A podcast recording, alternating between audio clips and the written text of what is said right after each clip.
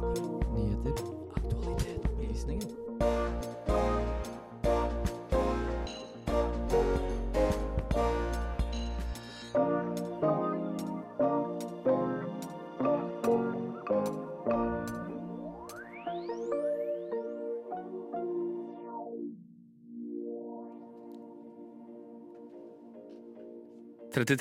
av kvinner mellom 15 og 44 bruker hormonell prevensjon.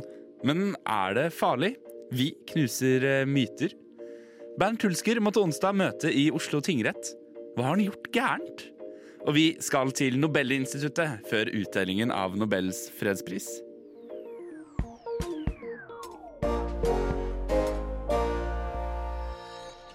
For å lose deg gjennom det knippet med saker denne fredagsmorgenen, så eh, stiller jeg meg selv til disposisjon. God morgen, Sander heter jeg. Skal lose deg gjennom den neste timen her på kanalen. Men heldigvis ikke aleine. For med meg i studio så har jeg Runa Årskog. God morgen. God morgen. Du, Runa, jeg har et viktig spørsmål jeg må stille deg så til på morgenkvisten. OK. Eh, I dag så teller vi den 7. oktober. Er det for tidlig å høre på julemusikk? Åh, eh, ja, men jeg gleder meg sykt til det ikke er for tidlig lenger. Eh, Når er det det ikke er for tidlig lenger? Og egentlig så er det regler om at det skal være 1. desember, men jeg syns det blir litt sein. Ja, det er litt seint. Fordi jeg har julestemning egentlig hver morgen nå når det er litt kaldt i rommet. Ja, jeg, vet du hva? Jeg har endelig funnet noen som forstår meg. Jeg har prøvd liksom å stille folk dette spørsmålet hele uka. For jeg har begynt å høre på julemusikk. Jeg, jeg, jeg, nå er jeg på kjøret, liksom. Nå er det uh, rett ut. Jeg må ha et skudd hver eneste morgen. Men folk er sånn Men Sander, det er for tidlig. Og jeg er sånn Ja, men nei. Det er kaldt, det er kaldt i lufta. Jeg drikker kakao. Jeg sitter inne på kvelden. Altså, hvorfor? Jeg må ha på meg jakke når jeg går ut. Det eneste positive med den tida her av året er det at det begynner å nærme seg jul. Åh, jeg, bare, jeg elsker førjulstida. Det er min jeg tror jeg nesten favorittid. Åh, nei, jeg gleder meg. Men jeg tror jeg skal vente til november, bare fordi eh, Bare for å holde på julestemninga litt lenger. Ja, men da, så. da venter du til november, og så skal jeg kose meg. Hvis du, kjære lytter, er ute og løper nå, så frykt ikke. En fullspekka sending fra Opplysningen ligger klar og venter på deg. Og du skal til og med få en liten løpesang med deg på veien. God dag og god fredag. Hjertelig god fredag morgen. God morgen, god morgen, god morgen og god morgen. God morgen og velkommen til Opplysningen, Radio Nova sitt samfunns- og aktualitetsmagasin. Med Opplysningen 99,3 på øret, ja, da blir det en god fredagsmorgen. Opplysningen 99,3. Hver fredag fra 10 til 11 på Radio Nova. Og der er uh, morgenens uh, kaffekopp eh, ja, eh, slurpet i vei eh, her i Opplysningen på Radionova. Runa, forrige uke så hørte vi om temperaturmåling som prevensjon. Men din kamp for å komme til roten av prevensjonens problemer har ikke nådd slutten ennå. Nei. Vi må ha litt mer informasjon enn bare om temperaturmålere. Ja, for hva er det du har gjort denne uken? Denne uka så har jeg prøvd å debunke litt myter om eh, hormonell prevensjon. Ja. Som f.eks. for eksempel eh, legger du på deg mye, blir du tjukk av hormonell prevensjon? ja. Kan det være farlig? Og helt til slutt, endrer du preferanse av kjæreste? Det er jo veldig interessant. Og hvis du vil lære mer om det, da er det bare å spisse ørene. For her kommer saken. Er du kvinne? Går du på hormonprevensjon, eller vurderer du å begynne? Da burde du følge med nå. Det finnes nemlig en rekke bivirkninger som kan følge med disse, og søker du opp disse bivirkningene selv, er sannsynligheten stor for at du skremmes. For på nett florerer det av advarsler om at du kan bli infertil, at du legger på deg, at du kan få sykelige humørsvingninger, og at det simpelthen er farlig å gå på hormonprevensjon. Og et av de nyeste bivirkningene omhandler preferanse av partner.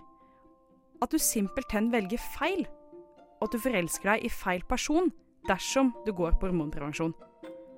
Men stemmer egentlig alt dette? Eller er alt bare myter? Vi tok kontakt med Cindy Dahl fra maja.no for å få svar på noe av dette. Ja, hei. Jeg heter Cindy Dahl. Jeg jobber som lege på maja.no. Hei, Cindy! Det første jeg lurte på er kan hormonell prevensjon være farlig? Både ja og nei. Det finnes jo to typer hormonprevensjon. Du har gestagenpreparater, og så har du kombinasjonspreparater. Eh, Gestagenpreparater de inneholder kun gestagen, og der er det ingen forskning som tyder på at det fører til bl.a. blodpropp, hjerteinfarkt eller hjerneslag, og de kan benyttes av alle kvinner. Kombinasjonspreparater derimot, som inneholder østrogen, her ser vi at det kan føre til blodpropp. Så det kan det, men risikoen er veldig lav. Det er fem til syv kvinner av 10 000 kvinner som opplever dette her. Og så er det veldig viktig å huske at leger gjør en veldig grundig vurdering av en pasient før de skriver ut et kombinasjonspreparat. Har de noen risikoer for å få eh, blodpropp, så får de ikke et kombinasjonspreparat.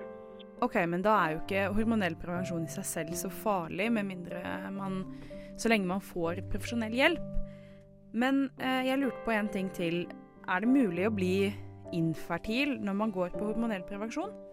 Eh, det stemmer ikke. Det er en myte.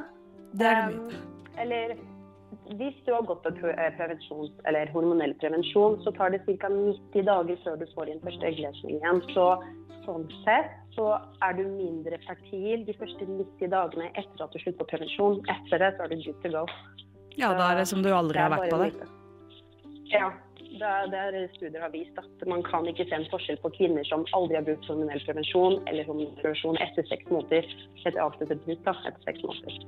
Ja, men så godt å høre at man ikke blir eh, infertil av å gå på prevensjon.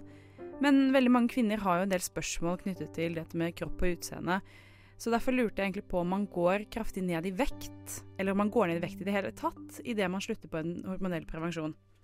Ja, det er litt vanskelig å si. For det er noe, det er, jeg har jo opplevd at det er kvinner eller pasienter som har sagt at de går opp i vekt pga.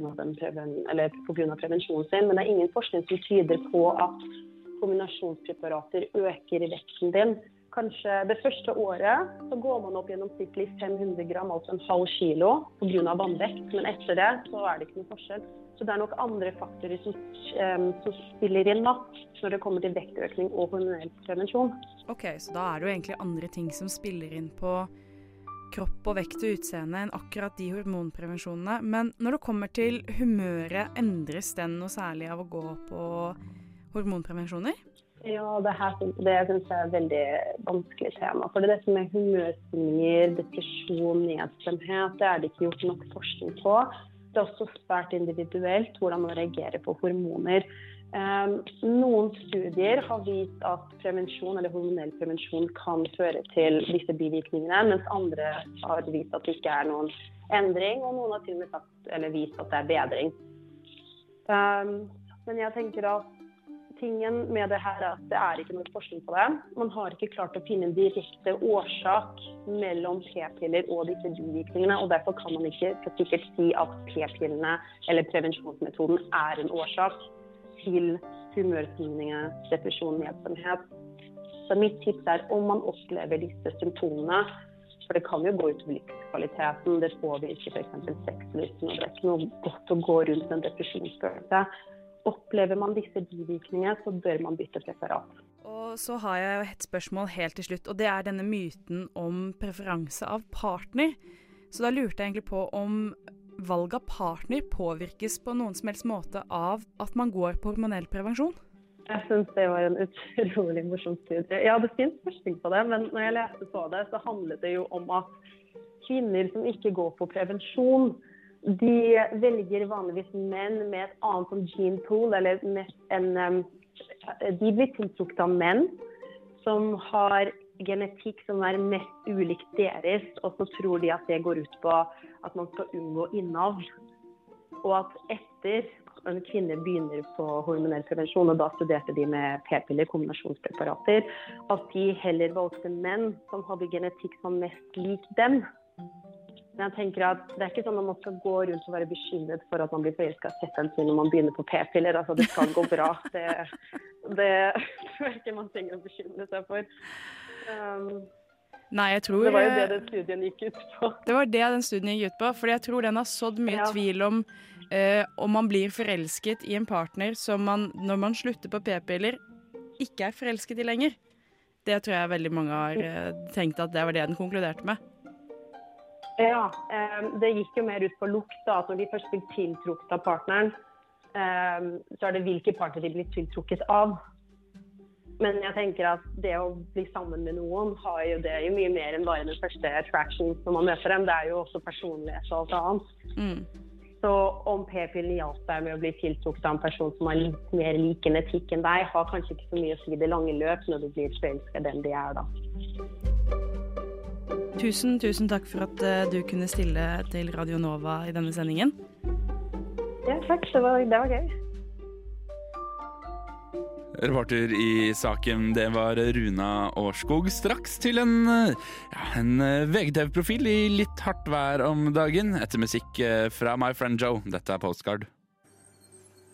Ja, det Kniker litt ut på slutten der. Det er ikke radioen din, det er bare låta My Friend Joe og Postcard i opplysningen på Radio Nova.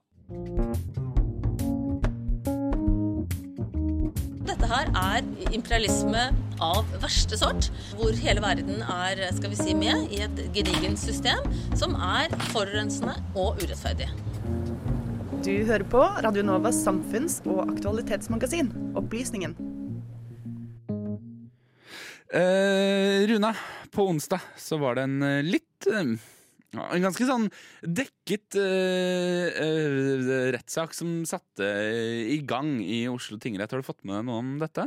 Så vidt. Det er vel han uh, Så vidt. Det er vel han Åh, hva heter han igjen? Hulsker? Ja. Ja. Ja, helt riktig. Åh, nei, jeg har fått med meg litt av saken. Han har vist, eh, vist noen nazihilsen og sagt noen stygge ting og vært litt ufin mot kvinner. Jeg har vært litt på fylla, rett og slett. Uh, tror jeg mange Ja. kan Eh, ikke, ikke det at dette er noe jeg mener burde være normal fylla-oppførsel. men det er jo Han har rett og slett vært på fylla. Driti seg litt ut. Vår reporter Carl Biel han har sett litt på Bernt Hulskers første dag i retten. Og gir oss et lite skråblikk. I Oslo tingrett har den brautende moromannen fra Nordmøre, Bernt Hulsker, måttet møte opp denne uka. Bernt har allerede beklaga på forhånd, men nå skal domstolen bestemme hvorvidt hans oppførsel på et julebord i år var ulovlig lite morsom. Men straffen han får, den står og tipper på hvilke ord Hulsker brukte den kvelden. Vi skal tilbake til den 9. mars i år. Gjengen fra VGTV skal ha et koronaforsinka julebord. Utpå kvelden møtes alle som har vært og vorsa på karaokebaren Syng mer. Ifølge ham selv hadde Bernhard, eller Bernt som han faktisk heter, drukket i hermetegn litt for meget. På Syng denne kvelden er også dørvakta Yvan Rasho. En 24 år gammel kar som kom til Norge som syrisk flyktning for seks år sia. Senere på kvelden blir det faktisk han som avslutter hele julebordet til gjengen fra Verdens Gangs Televisjon, eller VGTV, som det faktisk heter. Yvan fortalte i våres om hans opplevelser den kvelden i et intervju med TV 2. Han fortalte at etter at julebordgjengen har vært på syng i en time, kommer Hulsker ut av et av rommene. Han skal ha vist en nazihilsen, ble henvist ut av lokalet. På utsiden utviste han uønsket seksuell atferd mot flere kvinnelige gjester. Og så skal Hulsker ha kalt Jevan for N-ordet. Før han spurte hvordan han kunne be en hvit mann som ham om å gå ut. Hulsker har mista jobben, innrømma det meste og lagt seg så flat som han selv mener det er mulig å legge seg for det som skjedde. Han er tiltalt for hensynsløs atferd og hatefulle ytringer. Politiadvokaten i saken la ned påstand om at Hulsker dømmes til 24 dagers betinga fengsel med prøvetid på to år, i tillegg til en bot på 15 000 kroner men Hulsker selv er ikke enig i tiltalen om hatefulle ytringer. Grunnen er at han selv ikke kan huske om han sa det der om hvit mann. Og advokaten hans mener at han burde frifinnes. Så detaljene i hva som ble sagt, når det ble sagt og hvordan det ble sagt, det er dermed stridens kjerne her. For spurte egentlig Bernt Javan hvordan han kunne be en hvit mann som ham om å gå ut? Vitnene i saken er ikke helt samstemte. Noen mener Hulsker ikke sa dette med hvit mann til noen, men at han sa det på en mer generell basis. Noen mener han sa N-ordet om seg selv, og selv sier Hulsker at nazihilsen var en del av en parodi og en sketsj han har fremført i hermetegn uendelig mange ganger. Det er da også opp til Oslo tingrett å bedømme om det her var ulovlig eller ikke. Og Hulsker han vil få sin dom fra Oslo tingrett den 14. oktober klokka ti. Reporter i saken, det var eh, Carl Biel. Straks her på Opplysningen skal vi til eh, Nobelinstituttet. Men før det musikk fra Siven Steinklev. Dette er hilsen vi som skulle bli noe. What did I think when Maduro took power? Well, he's a clown. Finne et litt mer, litt mer nyansert språk der. Jeg tror vi bare skal forstå det sånn at dette dreier seg om teknologi. Du hører på Radio Novas samfunns- og aktualitetsmagasin Opplysningen. Hver fredag fra 10 til 11 på Radio Nova. Verdens øyne er i dette øyeblikket rettet mot Oslo, mot en brun dør i Henrik Ibsens vei 51, der Berit Reiss-Andersen klokken 11 vil gå ut og annonsere årets vinner av Nobels fredspris. Vi skal til Nobelinstituttet og vår reporter Lise Benus. Og Lise, hvordan er stemninga der akkurat nå? Nei, her er det veldig god stemning. Eh, masse store kameraer som er peket mot en viss brun dør. Masse lys, masse viktige eh, mennesker i eh, slips og, og dress. Så vi gleder oss veldig eh, til den døren går opp, og vi får vite hvem som da vinner eh, årets nobelpris. Men altså, Fredspris. ja, for det er nok få i Norge som ikke vet hva fredsprisen er. Men prosessen rundt fredsprisen kan jo være litt mindre kjent. Hvordan er den?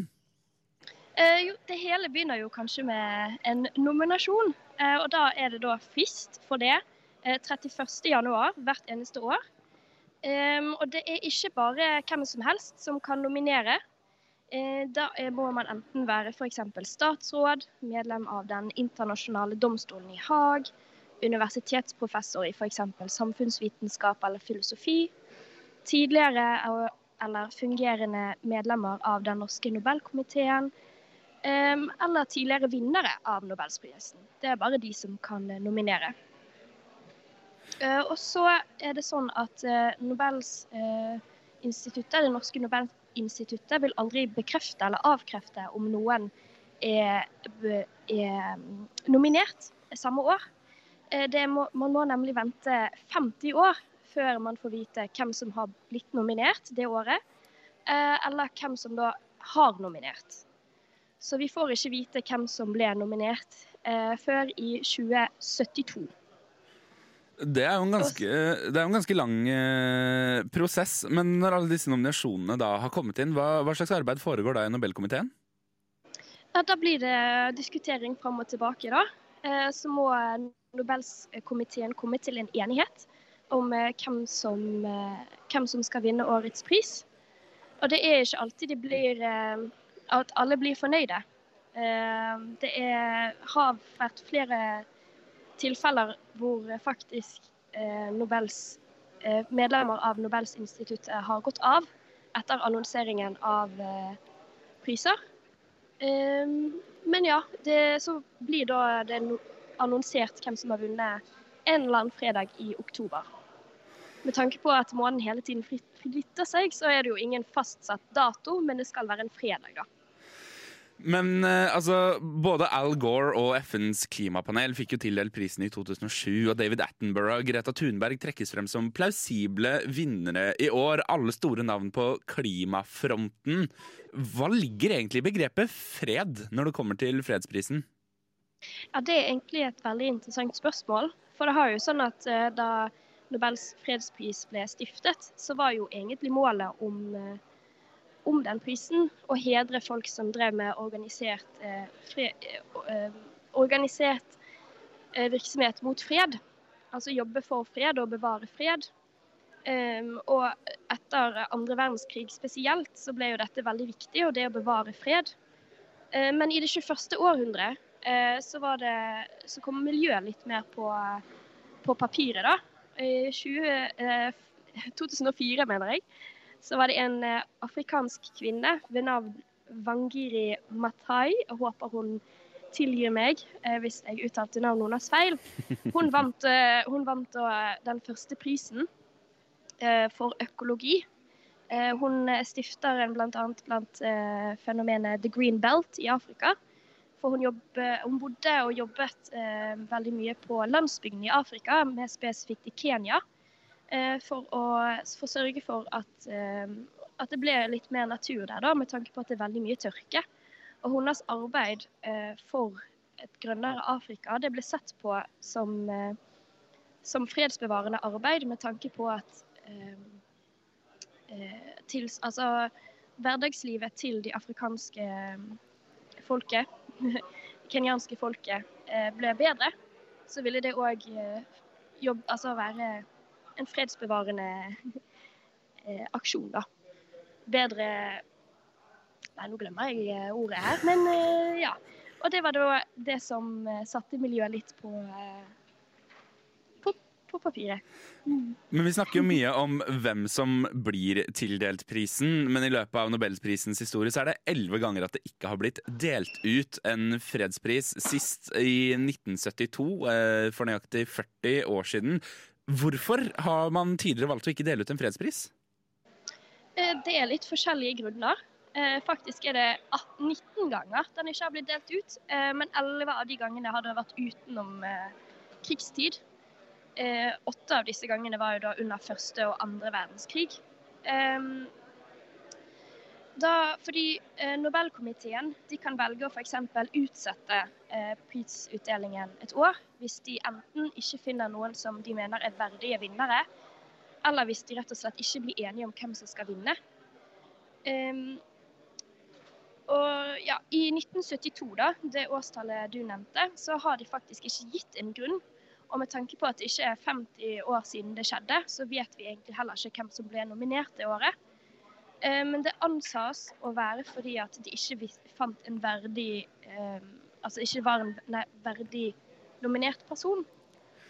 Men eh, en annen gang vi faktisk vet hvorfor, var jo 1948.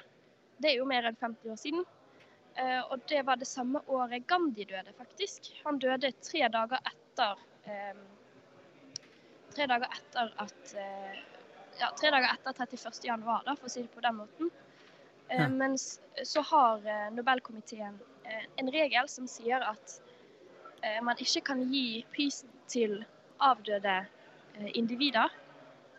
Eh, og med tanke på at Nobelkomiteen ikke hadde blitt enige om hvem som skulle få den prisen eh, før han døde, så kunne ikke de gi prisen til eh, Mahatma Gandhi. Og da bestemte de seg for å ikke gi prisen i det hele tatt, og begrunnet det med at de ikke fant noen andre verdige eh, kandidater. Men hva er sannsynligheten for at vi ikke ser en fredsprisvinner i år, da? Eh, Den er veldig liten. Eh, Det er veldig mange eh, aktører der ute som er verdig prisen. Det Det ja, det er veldig lite sannsynlig, for der ville òg Nobels fredskomité nok fått eh, veldig hard kritikk. Um, det er jo masse konflikter eh, som lø eh, ja, går ut Mange konflikter der ute eh, som holder på å løses. Og selv om eh, Nobels fredskomité i hovedsak gir priser til folk som driver med fredsbevarende eller, freds, eller krigsavsluttende arbeid, så er det fortsatt eh, mange der ute som fortjener en pris, synes vi. Eh, nyhetsforsidene er jo i dag og nå for tiden fokusert på Russland etter invasjonen av Ukraina i februar i år. Hva slags reaksjoner kan vi få fra Russland dersom fredsprisen havner der? Kan vi se noe lignende som det vi så med Louis Chiabot i 2010? Eh, Det er jo en mulighet, men det som er viktig å forstå, er at selv om eh, den norske Nobelkomiteen består av norske politikere, så er det jo ikke Norge som nasjon som eh, gir prisen. Så selv om vi eh, Selv om eh, Selv om Kina og Norge fikk et utfordrende forhold etter at vi ga Nobels fredspris til eh, Nå glemmer jeg navnet hans. Louis Chabot. ja. ehm,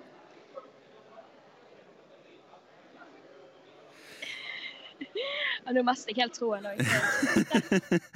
Eh, Lise Venus eh, med oss fra Nobelinstituttet. Tusen takk for denne oppklaringen om eh, Nobelprisen. Vi skal straks tilbake og snakke litt om årets, la oss kalle det pent, plausible kandidater. Det har ikke gått 50 år siden i år enda, men i mellomtiden skal du få litt eh, opp- Radio Nova-musikk. Vi skal til Kitty og Down Low. Og så er også Radio Nova her for å gjøre opptak til sendingene sine. Opplysningen. Vi er der det skjer.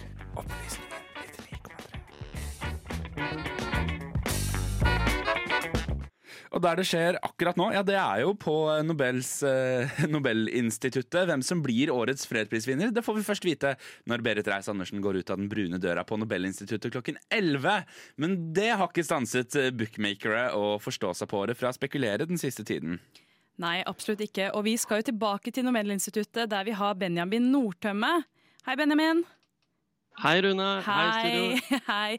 Vi har lyst til å ta oss litt eh, til vårt eget eh, Europa og høre om Aleksej Navalnyj og Svetlana Tigonovska kan bli de nye fredsprisvinnerne. Hva tenker du om det?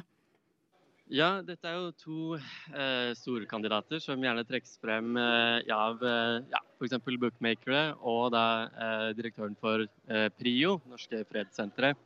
Eh, jeg tror hovedgrunnen, hovedårsaken til det er deres arbeid for Kort og greit, eh, det handler om deres innsats for demokrati i Europa. Aleksej Navalnyj er jo som sagt fengslet og sitter bak lås og slå i russisk fengsel. Eh, Svetlana Tikhanovskaja eh, er i det fri, men lever i eksil som den da slags de facto lederen for den hviterussiske eh, opposisjonen. Etter da et, litt, et veldig omstridt valg i 2020, da Belarus' autoritære leder Aleksandr Lukasjenko erklærte valgseier på litt tvilsomt grunnlag, rett og slett. Ja, og det er jo ikke bare de som eh, er plausible vinnere. Og vi tenker litt på han eh, Volodymyr Zelenskyj. Om han har noen sjanse til å vinne fredsprisen, tror du det? Det er nok litt, eh, litt tvilsomt, det òg. Det er nok mange, det er nok kanskje en grad av ønsketenkning, særlig her mange i Europa og kanskje i Vesten mer generelt, som gjerne skulle ønske et ukrainsk, en ukrainsk mottaker. Og det er kanskje ikke så mange andre navn som ville bedre eh, passet det, da, som da eh, Volodymyr Zelenskyj. Det som derimot er litt eh, Problematisk for dette hadde jo vært at den fristen for å nominere noen formelt går ut i januar. Så vet vi jo da at den fullskala krigen begynte i februar i år. Så det skulle være mm, uortodokst og kanskje ja, kanskje da mer Om ikke, ikke umulig nødvendigvis, men det ville vært eh, et slags historisk eh, Det skal, skal mye til, da. Det må et slags sånn historisk eh, paradigmeskifte nesten til Mm. at eh, det skal skje. Ja, ikke sant. Og så eh, videre så har vi jo Verdens matvareprogram som vant prisen i 2020. Og tidligere har jo både EU og FN vunnet prisen. I år er Den internasjonale straffedomstolen trukket frem som mulig vinner. Hvorfor skulle disse ha vunnet prisen? Den internasjonale straffedomstolen i Haag er jo et eh, organ eh, formelt eh, underlagt FN. Den internasjonale straffedomstolen i Haag er litt vanskelig å si det. Det er en arena der folk som har begått lovbrudd, folk som har begått, begått grove eh, skal vi si, eh, internasjonale forbrytelser. Eh, altså forbrytelser mot menneskerettigheten. Eh, mot menneskerettigheten. Ja. Eh, mot menneskeheten, eh, rett og slett. Eh, der dømmes de for Ja, og vi har jo mange skal vi se, Historisk bakteppe for eksempel, er jo da at under Balkankrigene for eksempel, så er i kjølvannet av disse lange rettslige prosessene, så har folk, eh, kommandører for eh, ulike militære grupper osv. blitt dømt for deres eh, medvirkning og utførelse av ganske grove menneskerettighetsforbrytelser, rett og slett. Mm. Men fredsprisen den er jo ikke bare en europeisk pris. Fra India trekkes jo Hash Mander fram og hans 'Caravan of Love'. Hvilke arbeid har han lagt ned? Uh, Harsh Mander er en indisk uh, forfatter, egentlig. Han har lagt ned stort arbeid for å bekjempe religiøst uh, motivert vold. det er da det store bakteppet for en mulig pris til, til, India og det indiske subkontinent. under Narendra Modis administrasjon så har det vært en ganske markant økning i si, mellomreligiøs vold og ulike stridigheter mellom de svært så polariserte hva skal vi si, eh, litt ekstreme grenene av de ulike religionene som man finner eh, i, da, særlig i India. Så hans 'Caravan of Love' går rett og slett ut på å eh, bygge broer og styrke liksom, samarbeidet som eh, gjerne skulle vært der eh, mellom da, Indias eh, store hindu-befolkning og Indias store muslimske befolkning og da andre religiøse minoriteter, som f.eks. sikhene eller buddhister osv. Ja. Eh, og så skal vi litt videre og nærmere oss eh, Kina. For Henrik Udal, leder av fredsforskningsinstituttet PRIO, har jo også trukket frem bl.a. Nathan Law, Agnes Chow og Ilham Toti, som har jobbet eh, mot det kinesiske regimet. Hva gjør til at disse kan være aktuelle kandidater? Eh, Nathan Law og Agnes Chow de er to eh, demokratiforkjempere fra eh, det litt spesielle eh, formelt altså, eh, kinesiske territoriet Hongkong, som da har en litt spesiell status, og som har vært mye i mediene, rett og slett. Eh, fordi i Hongkong så har man gradvis mistet politiske rettigheter i forbindelse med at territoriet formelt sklir inn i en slags en slags eh, gjenvinningsprosess fra kinesisk eh, hold. Hongkong har vært, var, lenge en del av det britiske imperiet. og skulle da nyte en spesiell situasjon i en slags sånn spesiell status i, i 50 år etter overleveringen da, i 1997.